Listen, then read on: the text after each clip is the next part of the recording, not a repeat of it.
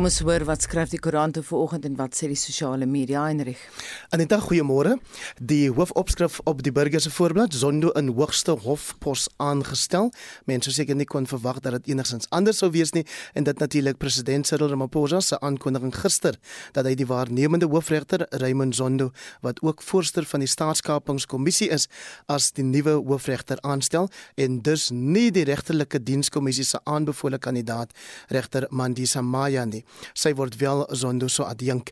Beeld uh, ietwat korter hoofopskrif Zondo in hoogste hofpos oor dieselfde storie. En dan volksblad.com het verkies om die berig Metro klap die sweep as hulle hoofberig te gebruik. En dit handel oor die Mangaung Metro wat staatsgeboue se water afgesny het weens agterstallige skuld.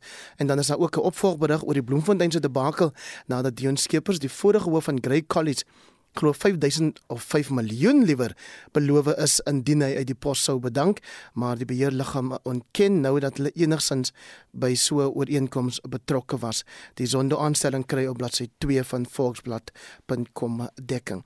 Op vryeweekblad.com skryf die politieke ontleder Dr Piet Kroukamp die Oekraïne-oorlog is 'n Afrika-oorlog en dat die vasteland nie durf selektief wees oor menseregte skendings nie op IOL of Independent Online. Daar is die koerante nog nie gelaai nie maar van die berigte op die tuisblad die is onder meer most horrible experience ever en dit oor 'n groep bejaardes wat Robben Eiland besoek het en daar beseer is. Dan ook die Zondo aanstelling en op News 24 se tuisblad Putin appreciated our balanced approach dat 'n aandering van president Ramaphosa wat 'n telefoonoproep ontvang het van die Russiese president en wat nou genader word om 'n bemiddelingsrol in Rusland se inval in Oekraïne te speel. Dan op sosiale media is Ramaphosa een van die gewilde hitsmerke, ook in Kosana en dit oor 'n sekstoneel uit die reeks The Wife of Showmax in Mpofu wat gaan oor Dalim Mpofu, advokaat Dalim Mpofu en eh, die Zondo aanstelling wat natuurlik nie in sy guns was nie. Hy was 'n voorstander van um, dat regter Maya aangestel moet word. Dan 'n kort opsomming van wat nuus haal vanoggend op die voorblaaie en sosiale media. Bly geskakel hier op monitor want tussen 07:30 en 7:00 praat ons met Llewellyn Kaloos en Roland Henwood oor Zondo se aanstelling as die land se hoofregter. Intussen ons SMS vraag vanoggend die Bokke se eerste toets vir 'n tuiskade sedert 2019 vind op 2 Julie plaas teen Wallis en dis nou op Loftus in Pretoria en ons luisteraarsvraag is daarop geskoei vanoggend. Aneta ja, ek sal moet kyk of my uh, springbok trui my nog sal pas. Maar uh, die daaropvolgende toetse natuurlik teen Wallis vind in Bloemfontein en in Kaapstad plaas voordat die rugby kampioenskap toernooi ook in Augustus afskop met twee tuistoetse teen Nieu-Seeland. Die Wallis toetse se kaartjies die begin by R150 'n stuk en ons wil vanoggend by jou die luisteraar weet met die dat die beperking op sportbywoningsgetalle na verwagting binnekort aansienlik verslap gaan word, sal jy moeite doen om die wêreldkampioene in lewende lywe te gaan ondersteun. Jy kan saampraat deur vir ons 'n kort WhatsApp stemnota te stuur na 076 5366961 of jy stuur soos gewoonlik vir ons 'n SMS na 45889 teen 150 elk. Anders kan jy ook saamgesels op die Monitor en Spectrum op RSG. Facebookblad. En nou terug na die groot internasionale nuusstorie, die oorlog in Oekraïne en die daaropvolgende sanksies teen Moskou het 'n groot impak op Suid-Afrika se sagte vrugte uitvoermark. Die produsente organisasie vir die vrugte Hotgrow se hoofbestuurder vir markte, Jacques de Pre, sê duisende ton vrugte bereik eenvoudig nie hulle bestemming nie. As jy kyk na na ons uitvoere in verlede jaar het ons 21% van ons pere wat uitgevoer is het het Rusland toe gegaan. So dis 'n dis 'n massiewe mark vir ons spesifiek vir pere. En as jy kyk na appels het ons so 6% van ons uitvoere soontoe gestuur en op pruime so 9%. So binne in ons groepering is daai die drie grootes wat wat geaffekteer word. En net om dit in in konteks op te sit, daai 21% is omtrent 3.4 miljoen tonne van 12.5 kg elk. So dit is dit's baie vrugte waarvan ons praat. En Jacques, hierdie probleem verskaf seker verskeie vertragings by die hawens en waar is daar oral opeenhopings? So ja, ons het vertragings in die in die Kaapse hawe spesifiek, eintlik maar al die al die hawens uit Suid-Afrika die hierdie seisoen ondervind van einde verlede jaar af. En wat wat nou gebeur is ook met die sanksies teen Rusland en net sekere produkte wat na die na Rusland toe mag gaan moet al daai houers wat op die skepe is en wat Europese hawens aandoen nou eers geïnspekteer word. Dit veroorsaak nou nog verder op eenhopings buite in Suid-Afrikaanse hawens en die Europese hawens ook. Ons skat dat ons die laaste 3-4 weke hier in die orde van 880 000 kartonne appels, pere en en pruime of op die water het of vasgevang ergens in Europese hawens en ehm um, die vrugte moet permanent verkoel word en net ook net 'n sekere tyd wat hy kan vat vir die verbruikers om finaal verbruik. So ons begin 'n probleme, groot probleme met kwaliteit optel, vrugte wat wat vernietig moet word aan aan die ander kant wat nie verkoop kan word nie. So dis dis massiewe verliese wat mense na kyk aan die kwaliteitskant. Behalwe nou die die verliese in terme van verkope wat ons tradisioneel in Rusland gedoen het. So die uitvoerders probeer planne maak om daai vrugte te herlei na na Europese markte toe. Maar Rusland vat 'n baie spesifieke tipe peer en spesifikasie van peer. So dis ook nie so maklik om daai vrugte net na ander markte te skuif nie en dit is een van ons groot uitdagings en met die hele suidelike halfrond of eintlik die hele wêreld wat nou ander planne het maak met hulle produkte, vrugte en groente wat Rusland toe sou gaan vind mens nou 'n situasie van van 'n ooraanbod van alles in Europa op die stadium. So Jock, wat is die impak dan op ons uitvoere as hierdie vrugte dan vrot word of nie die markte kan bereik nie? Wel, die die produsente en die uitvoerders wat dan nou kwaliteitsverwille optel, behalwe vir jou produksiekoste, jou insetkoste, jou logistieke en verskepingskoste, moet jy dan nog betaal in euros om daai vrugte te laat vernietig uh, as sou dit nou die geval wees in Europa self. So dit is um, dis massiewe verliese waarna mens kyk. Ehm um, uit 'n kwaliteitsoogpunt pryse wat baie laag gaan wees vir vrugte wat nie lank kan wag om verkoop te word nie en dan die goed wat glad nie verkoop kan word nie wat jy moet vernietig. Dis ja, dis dis massiewe verliese wat direk terug na produsent toe kom. Jy het nou vroeër verwys na die pere wat nie onmiddellik na ander lande toe herlei kan word nie. Ehm um, maar daar is ander sagte vrugte ook waarvan ons nou praat. So wat van daardie vrugte kan na ander markte herlei word? Gelukkig het ons ons appelseisoen of appeluitvoere nou nog nie regtig na Rusland begin spoed optel nie.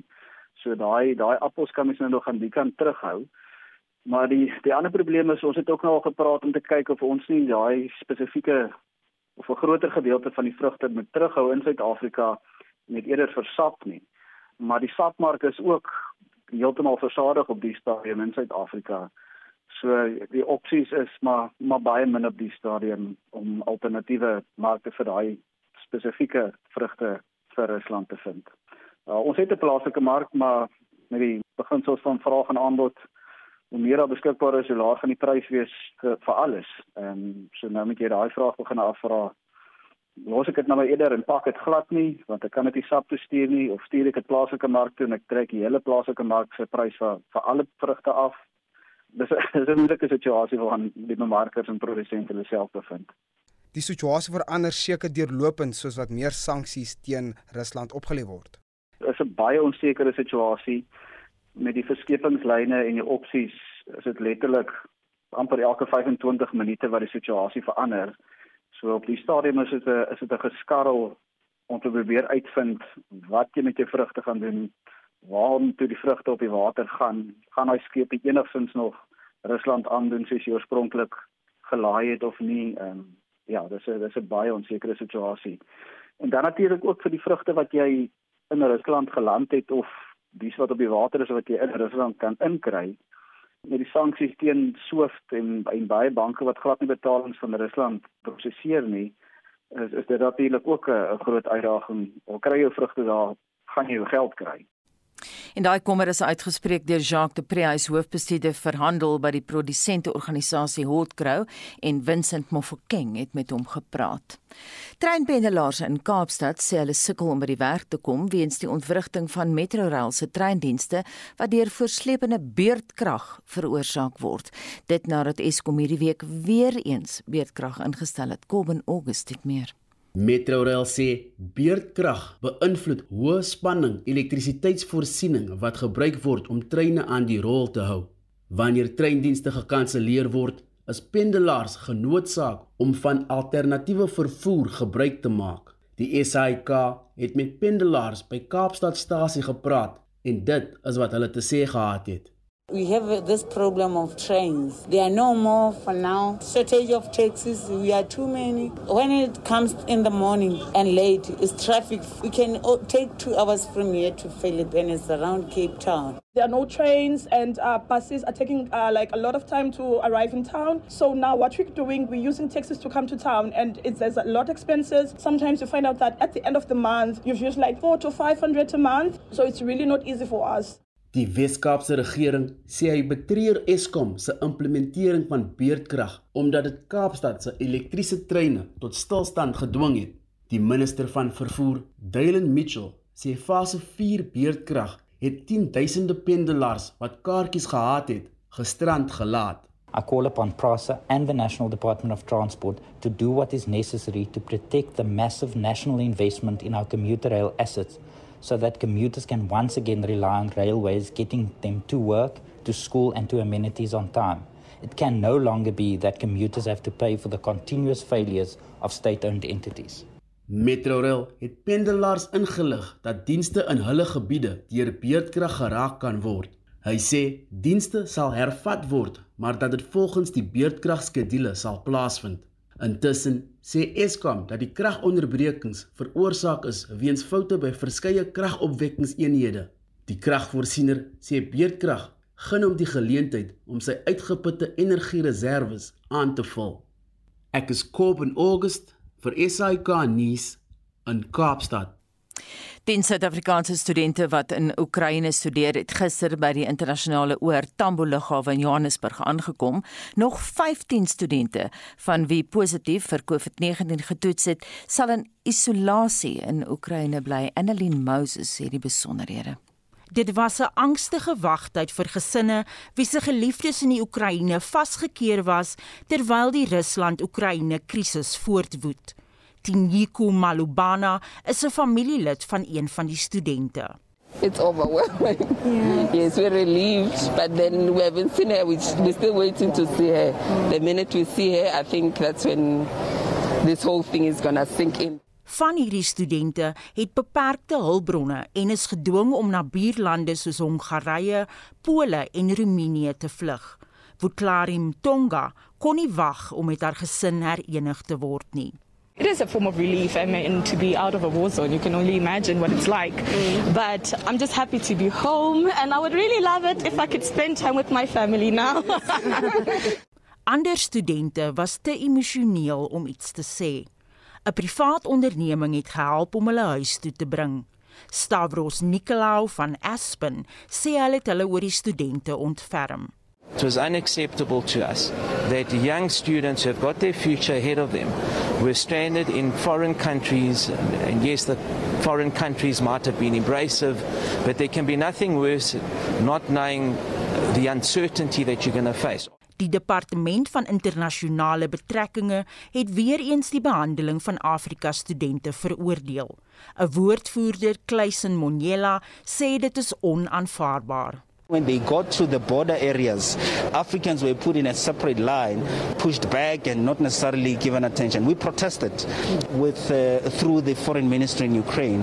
Bazar Grunewald raised a, a serious objection, and we reminded them that everyone has a right to cross international borders when there's a raging conflict. Die oorblywende studente sal binnekort na die land terugkeer. Die verslag deur Criselde Loos en ek is Annelien Moses vir SAK nuus. En van daai einste SMS se gepraat hier is Heinrich. Anita sê ons vra vanoggend vir die luisteraars of hulle die rugby wedstryde van die Springbokke sal bywoon nou dat die COVID beperkings op sport bywoningsgetalle na verwagting binnekort aansienlik verslap gaan word die Bokke speel een van die dae teen die of teen Wallis op Loftus Versveld daar in Pretoria en ook in Bloemfontein en in Kaapstad en dan weet ons die rugby kampioenskappe teen uh, onder andere Nieu-Seeland begin ook binnekort. So sal jy bywoon? Hier is 'n boodskap van Elna Botha op Facebook. Sy sê ek sou as ek daar kan kom. Elisabeth Maree sê nee, dankie. Elsa van Staden in Joubert sê sou nog as graag wil. Leroux Bessinger sê daar is nou geen twyfel nie om die atmosfeer weer te kan ervaar sal hoendervleis lekker wees. Bok bok staan styf en dan die goeie Lou wat sê nope. Esther Hugo Snyk Steenkamp sê nie eers amper nie, maar Heinrich Miller sê hy sal vir Esther Hugo Steenkamp op hoogte hou met die telling en dan kan hulle sommer na die game lekker daar braai. Elise Lepe sê bokke is mos nie meer bokke nie. Dis nou 'n ANC speelbal. Ons wil nogtans van jou hoor deur vir ons SMS te stuur na 45889. Dit kos jou 51 elk. Laat weet vir ons of jy die bokke sal gaan ondersteun in die stadions wanneer jy weer kan of uh, stuur vir ons 'n kort WhatsApp stemnota na 0765366961. Anders braai jy saam met ons daarop die Monitor en Spectrum op RSG Facebookblad. Terug na die hoofplaaslike nuus vanoggend president Cyril Ramaphosa het gistermiddag die 61-jarige adjunkhoofregter Raymond Zondo as die volgende hoofregter van die land aangestel en dit is nou vanaf 1 April. Die president se besluit volg na raadpleging met die regtelike dienskommissie en leiers van partye in die nasionale vergadering oor vier benoemdes vir die amp as hoofregter. Die regte president van die Appelhof, regter Mandisa Maya, is aangestel as adjunkhoofregter Meeste opposisiepartye het die president se aankondigings verwelkom. Die DA-leier, John Steenhuisen The Democratic Alliance welcomes President Ramaphosa's announcement that the new Chief Justice of South Africa will be Chief Justice Raymond Zondo. We believe this draws a line under the sorry saga of the Judicial Service Commission hearings and the behavior of some politicians in those hearings. We believe it did a lot to damage the integrity of the judiciary as well as the process of selecting the new Chief Justice. However, the President has now chosen a safe pair of hands in Justice Zondo. He's already shown that he is able to act without fear or favour in the fight against corruption and is able to stand up on the side of the law and the side of the Constitution, and that should be welcomed. We look forward to the tenure of Chief Justice Zondo and we wish him well uh, as he sets out to bring new, renewed respect and dignity to the judiciary. En daardie lof kom van DA-leier John Steenhuisen, die leier van die Vryheidsfront Plus, Pieter Groenewald het ook 'n Zondo se aanstelling verwelkom. Van die kandidate wat die regterlike dienskommissie aanbeveel het vir die pos van hoofregter, was regter Raymond Zondo ook die voorkeurkandidaat van die Vryheidsfront Plus. Die rede is dat regter Zondo hom bewys het met die ondersoek na staatskaping, die sogenaamde Zondo kommissie en waar hy bewys het dat hy 'n persoon is wat sonder voordeel, sonder vrees en billik en regverdig na die feite luister en nie skroom om persone op sekere feite dan skuldig te bevind aan sekere oortredings en aanbeveel dat hulle vervolg moet word nie en selfs dat daar van hoë profiel politici verdere ondersoeke gedoen moet word nie. Dit is broodnodig in Suid-Afrika se omstandighede dat daar 'n hoofregter is wat weer vertroue by die publiek kan vestig sodat hulle dan met vertroue hulle kan wend tot die regbank met die wete dat hulle 'n billike en regverdige verhoor sal kry. En so sê die leier van die Vryheidsfront Plus, Pieter Groenewald, die EFF het Zonne se aanstelling egter as kortsigtig en faksie georiënteerd beskryf. 'n Woordvoerder van die party, Leanne Matthys, sê onder Zonne se leiding sal die konstitusionele hof voortaan gebruik word om politieke teenstanders te beveg. Nou ons bly by die storie en praat verder hieroor met 'n strafregkenner verbonde aan die Universiteit van Pretoria, Llewellyn Kloos. Goeiemôre. Goeiemôre Anita. Lewellen, ons het nou geluister na wat oppositiepolitici te sê gehad het met die uitsondering van die EFF blyk mense baie gelukkig te wees. John Steenhuisen sê it's in a safe pair of hands now. Hoe voel regsgeleerdes? Ja, ek dink eh uh, regsgeleerdes is effens verbaas oor die uitslag. Ehm um, daardeur wil ek glad nie sê dat eh uh, ons nie opgewonde is oor die nuwe hoofregter nie, maar daarom te sê eh uh, persoonlik gesproke dink ek ook uh, uh op die stadium is hy waarskynlik die veilige opsie gewees as hoofregter. Ehm um, die rede daarvoor is voor die hand liggend. Uh hy het ongelooflike positiewe uh kommentaar gekry uit veral lede van die publiek die afgelope kom ons noem dit dan 3 of 4 jaar veral weens sy ehm um, uh, sitting op die uh, Sonderkommissie en dit wat hy daardeur bereik het. So ek dink uit 'n uh, publiek oogpunt het ons uh, staatspresident 'n keuse uitgeoefen wat veilig is. Ehm um, dit gesê, dit ek ek was onder die indruk gewees 'n tyd terug dat ehm um, regter Zondo gelukkig of ongelukkig op daardie stadium moontlik nie die nommer 1 kandidaat was nie. En dit was geskoei op die op die basiese redenasie punt 1 dat die regterlike dienskommissie se voorkeurkandidaat definitief nie hy was nie. Uh en uh, wat natuurlik regter Meyer was wat nou aangestel is as die uh adjunk nuwe hoofregter. Nou dit gesê is natuurlik ook 'n baie interessante verwikkeling want dit beteken dat president Cyril Ramaphosa nie die uh beginsel uitsluit dat sy waarskynlik dan in die nabye toekoms ons opvolg nuwe hoofregter na Zondo sal wees wanneer hy eendag dan die tuig neer lê nie.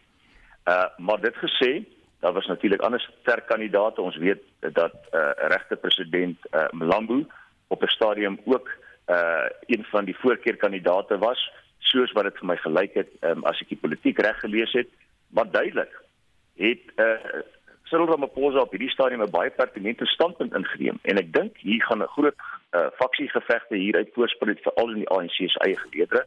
Ehm um, en dit word aangevuur natuurlik met uh, verdere verwikkelinge wat baie onlangs plaasgevind het. Byvoorbeeld wat Emile Lamini wat gister uh of een gister skuldig bevind is aan aan aan aan my eet uh wat natuurlik ook die potensiaal gehad het om weer eens die leier van die ANC vroueliga te wees. En sy is 'n definitiewe ondersteuner van Maya gewees. Mm. Ons weet die ANC vroueliga het haar gesteun. So hierdie is 'n baie interessante verwikkeling en ek vermoed hier gaan baie politieke ondertone hier uit voorspruit. En president Ramaphosa het sy eie kop gevolg, Nelewellen?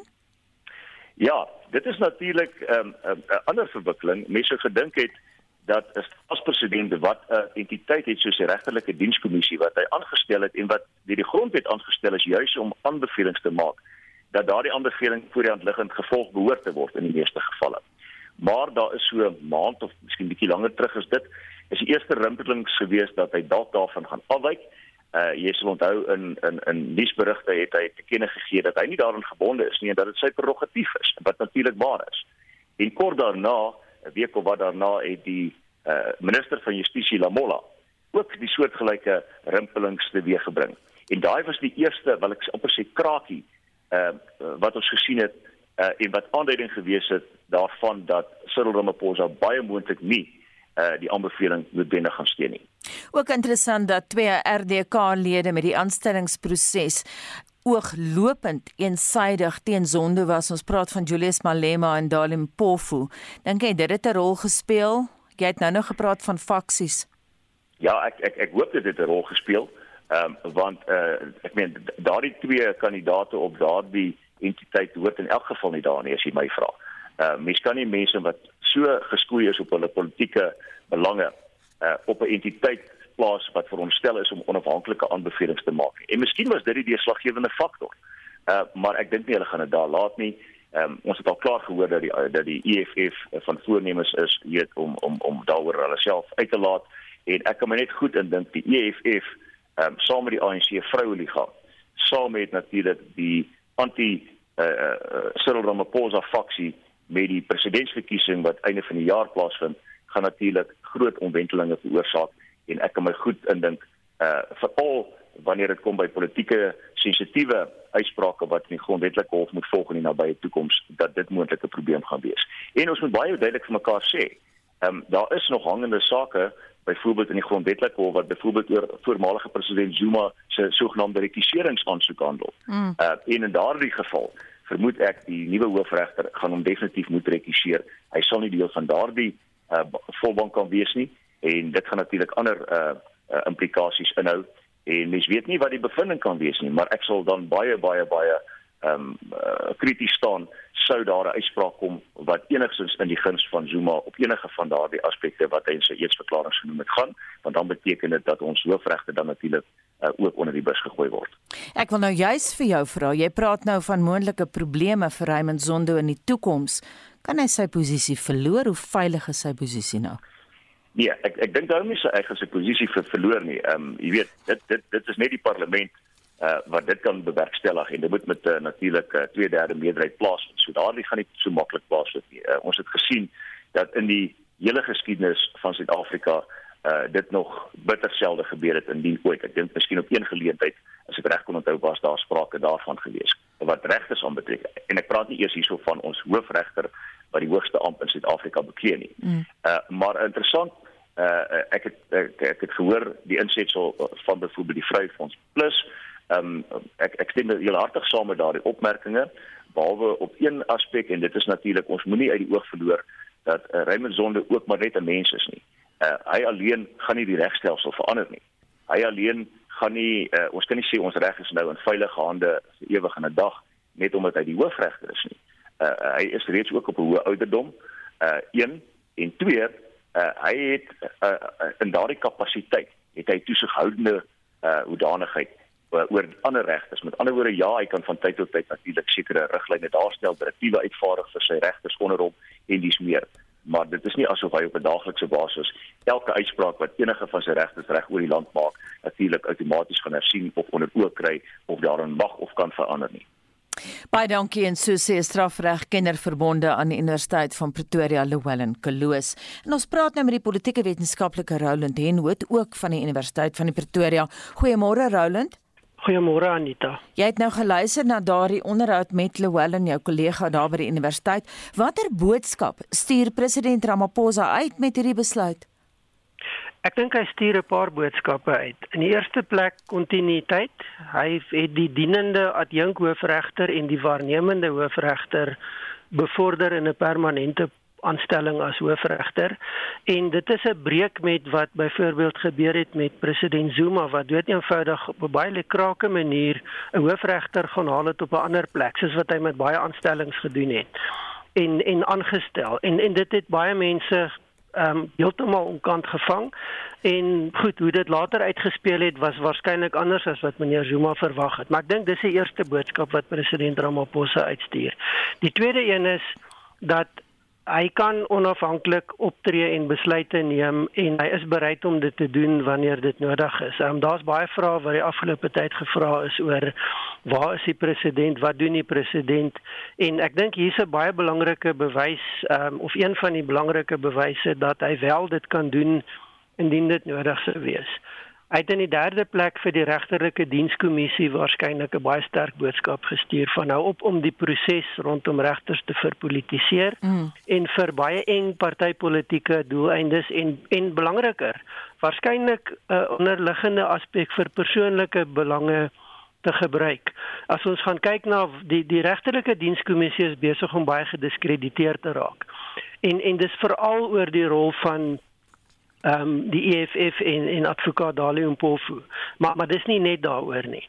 En en ek dink dit is 'n ander baie belangrike boodskap wat hy stuur. En dan miskien moet 'n mens ook gaan sê dat hy hier 'n bepaalde standpunt inneem en dis dalk 'n direkte boodskap ook vir die ANC is dat die man wat die Zondo-kommissie gelei het het my vertroue hy word die hoofregter. Ehm um, wees versigtig met hoe jy begin uitsprake maak in standpunt inneem teen die Zondo-kommissie. En alhoewel dit regter Zondo dalk in 'n moeilike posisie plaas want dit dit is nie 'n voorskrif dit mag nie 'n voorskrif aan hom wees nie maar ek dink tog die politieke boodskap is ehm um, hierdie persoon het my vertroue ek is ek het gesê ek ondersteun die kommissie Ehm um, onthou president Ramaphosa het hom nie aangestel as die voorsitter van die Zondo-kommissie nie. Maar hy het sy vertroue uit deurgangs gesê die party en die regering ondersteun die Zondo-kommissie en ek dink hierdie is 'n bewys daarvan. En dan miskien die laaste baie praktiese ding dat regter Zondo is nou in die posisie om die afhandeling van die Zondo-kommissie se werk tot 'n baie groot mate ook binne die konteks van die regsproses te gaan hanteer en voltooi. -hmm. want hy gaan die voorsittende regter wees wanneer 'n klompie sake waarskynlik via die regsproses voor die konstitusionele hof kom. Dit gaan afhang van hoe gou dit gebeur. Maar ek dink dis een van die ander implikasies van hierdie aanstelling. En en en dit beteken dat hierdie eintlik 'n baie strategiese aanstelling is, 'n weldeurdagte aanstelling is op die politieke front op er, op in terme van die regsinstellings en ook in terme van wat besig is om 'n baie belangrike deel van die politiek in die in die onmiddellike toekoms te word. En dit is die afhandeling en die afloop van die Zondo-kommissie en die gevolge daarvan. Roland, hoe kan mense dit interpreteer in terme van die faksies binne die ANC? Die besluit nou deur die president.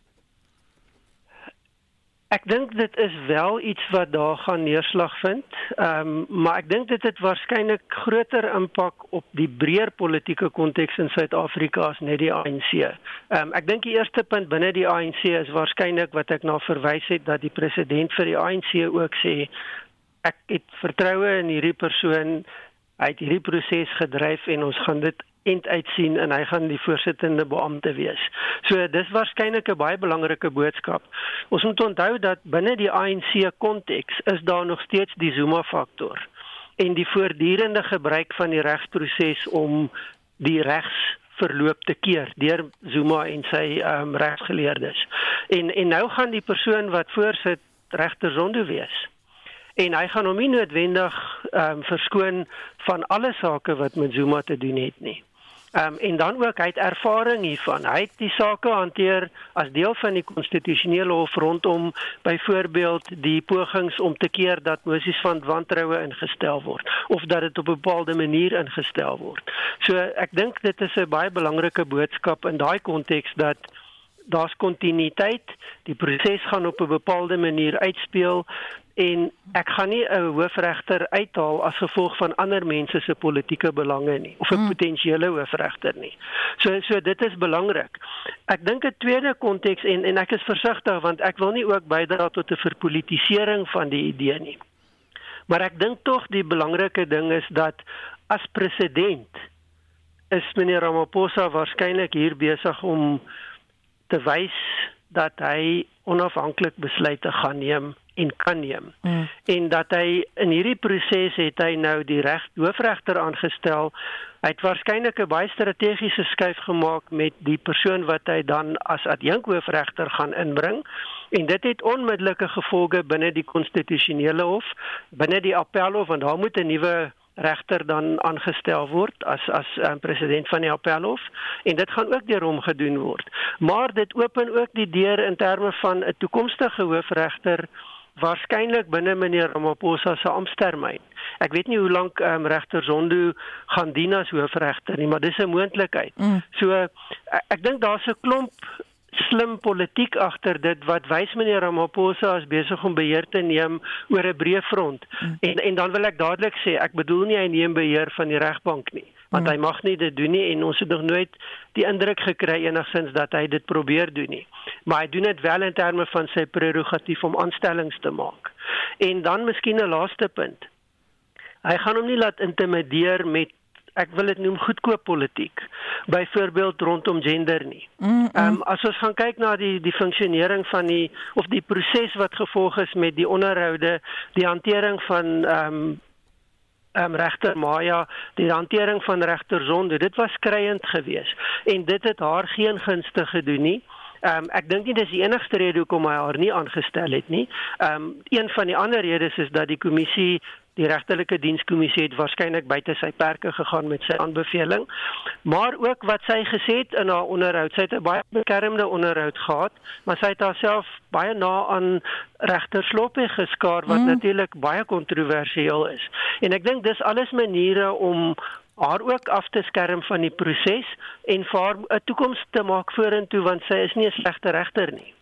So so ek dink baie strategies, baie sterk boodskappe oorgedra en definitief 'n pleintjie een van die min wat hy deesdae kry in terme van hoe die ding uitspeel en hoe die president sy besluite geneem het. Roland, jy het net nou gesê die RDK is besig om gediskrediteer te raak. Hoe sien jy daai organisasie se pad vorentoe? Watter implikasies hou dit vir die toekoms in? Daar sal baie ernstig herbesin moet word oor die funksionering en ook hoe partytetiese toegelaat word om die kommissie te gebruik. Ehm um, ek ek ek wil 'n kontroversiële stelling maak, maar die hantering van hierdie ronde aanstellings het my nogal baie herinner aan wat gebeur het in die parlement toe ehm um, die ehm um, openbare beskermer aangestel is, Bosisiwe Mqobane. Ehm um, daar's nogal parallelle daartussen en en ek dink dit is die tipe goed wat 'n mens nie kan bekostig nie. En en hoofregter Zondo gaan 'n baie belangrike rol speel in hopelik 'n herstrukturering nie in terme van samestelling nie, maar in terme van posisionering en funksionering van die regterlike dienskommissie in die toekoms. Dit kan eenvoudig nie aangaan soos wat dit nou aangaan nie. Jy sê nou die president moet reg 'n pluimpie kry. Watter boodskap stuur hy aan spesifiek die internasionale gemeenskap met hierdie aanstelling? Ek dink nie hy stuur 'n boodskap net daai kant nie, maar een van die boodskappe wat hier uitkom is dat hy verantwoordelike besluite gaan neem en dat die en dis die belangrike punt dalk. Daar's 'n baie hoë aansien nog steeds vir die regbank in Suid-Afrika. Baie mense huldig die standpunt dat as dit nie vir die regbank was nie, dan sou ons waarskynlik in baie groter moeilikheid gewees het as gevolg van wat gebeur het veral in die tydperk van die Zuma regering um, en die Zuma presidentskap. En en daar's 'n hoë aansien vir die regbank ook in die buiteland en 'n sensitiwiteit daarvoor. En ek dink die boodskap wat hy oordra onder andere na die buiteland toe is dat hy neem verantwoordelike besluite, hy neem die regbank se belange in ag en in beskerming, maar nie op 'n persoonlike basis nie, op die basis van 'n kritiese instelling wat baie belangrike werk in Suid-Afrika doen. Baie dankie dit dan die mening van die politieke wetenskaplike Roland Henwood en hy is verbonde aan die Universiteit van Pretoria. Die spesiale ondersoekeenheid, oftewel die SOE, sê 'n ondersoek na beweerde korrupte aktiwiteite by die Nasionale Loteryraad duur voort. Twee amptenare van Kimberley in die Noord-Kaap het na bewering 'n skema bestuur waardeur geld van nie-regeringsorganisasies ontvang is in ruil vir befondsing. Annelien Moses het die besonderhede. Die SOE en die valke het beslag gelê op dokumente, harde skywe en rekenaars by die Nasionale Loteryraad in Kimberley. Hulle het ook die huise deursoek van die twee amptenare wat met die misdrywe verbind word. Die SOE sê amptenare het nie regeringsorganisasies genader vir geld om hulle aansoeke te verwerk.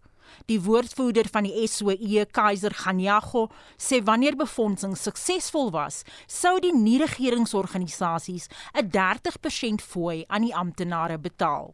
Once they have applied, then they get a cut of 30% that is shared between the officials that are here and the runner that they have. And, and that is a, an operation that has been going on for a while, and it has happened to many of the, uh, the contracts that were given out from this office.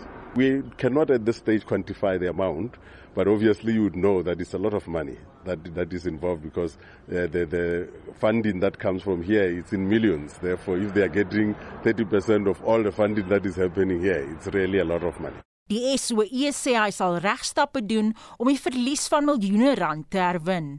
Ganyago sê wanneer die ondersoek afgehandel is, sal 'n verslag aan president Cyril Ramaphosa oorhandig word. We are now finalizing the first phase and we are going to give the report to the president or what we call a, interim report to the president uh, on uh, the, by the end of uh, April. And then we have already started phase 2 which we hope to finish in November of, of this year to give the president a report in December. But at the rate things are going because we are getting new allegations on a daily basis we might have to give a report and it still it might not be final maybe by that time so that we finish up what is remaining of the investigation. Uh, you would know that we started this investigation in November of 2020 up until now. Die SOE sê beweringe van korrupsie by die nasionale lotery is wyd versprei en raak byna alle kantore landwyd. Die verslag deur Tabiso Gadebe in Kimberley in die Noord-Kaap en ek is Annelien Moses vir SAK nuus.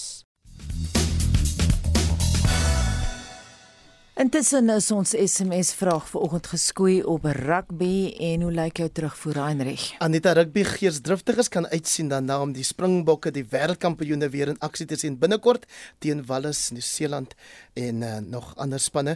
En ons wil weet of die luisteraars 'n draai sal gaan maak by die stadion nou dat die COVID-beperkings op sport bywoningsgetalle binnekort na verwagting aansienlik verslap gaan word.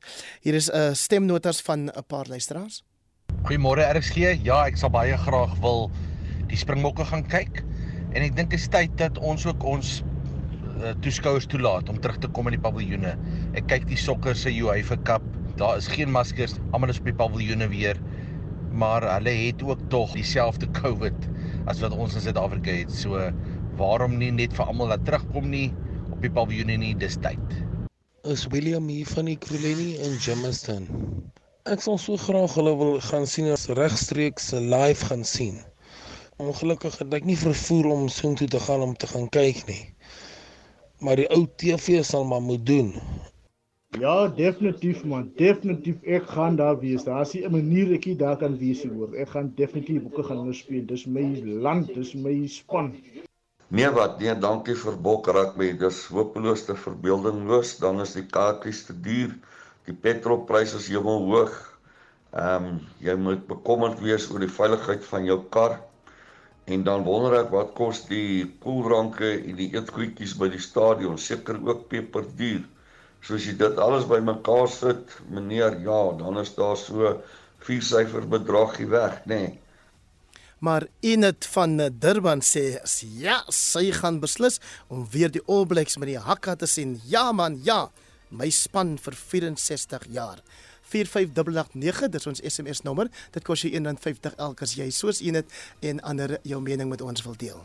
Intussen bly ingeskakel want na 7 praat ons oor die feit dat 'n nasionale agentskap gestig sal word om die land se waterinfrastruktuur op te skerp. Ons vra hoekom is dit nodig en wat sal dit kos? En dan as jy Eskom wil hof te sleep, het ons ook vir jou raad. Kan jy dit doen of nie? Bly ingeskakel. Dit bring ons by 7 uur.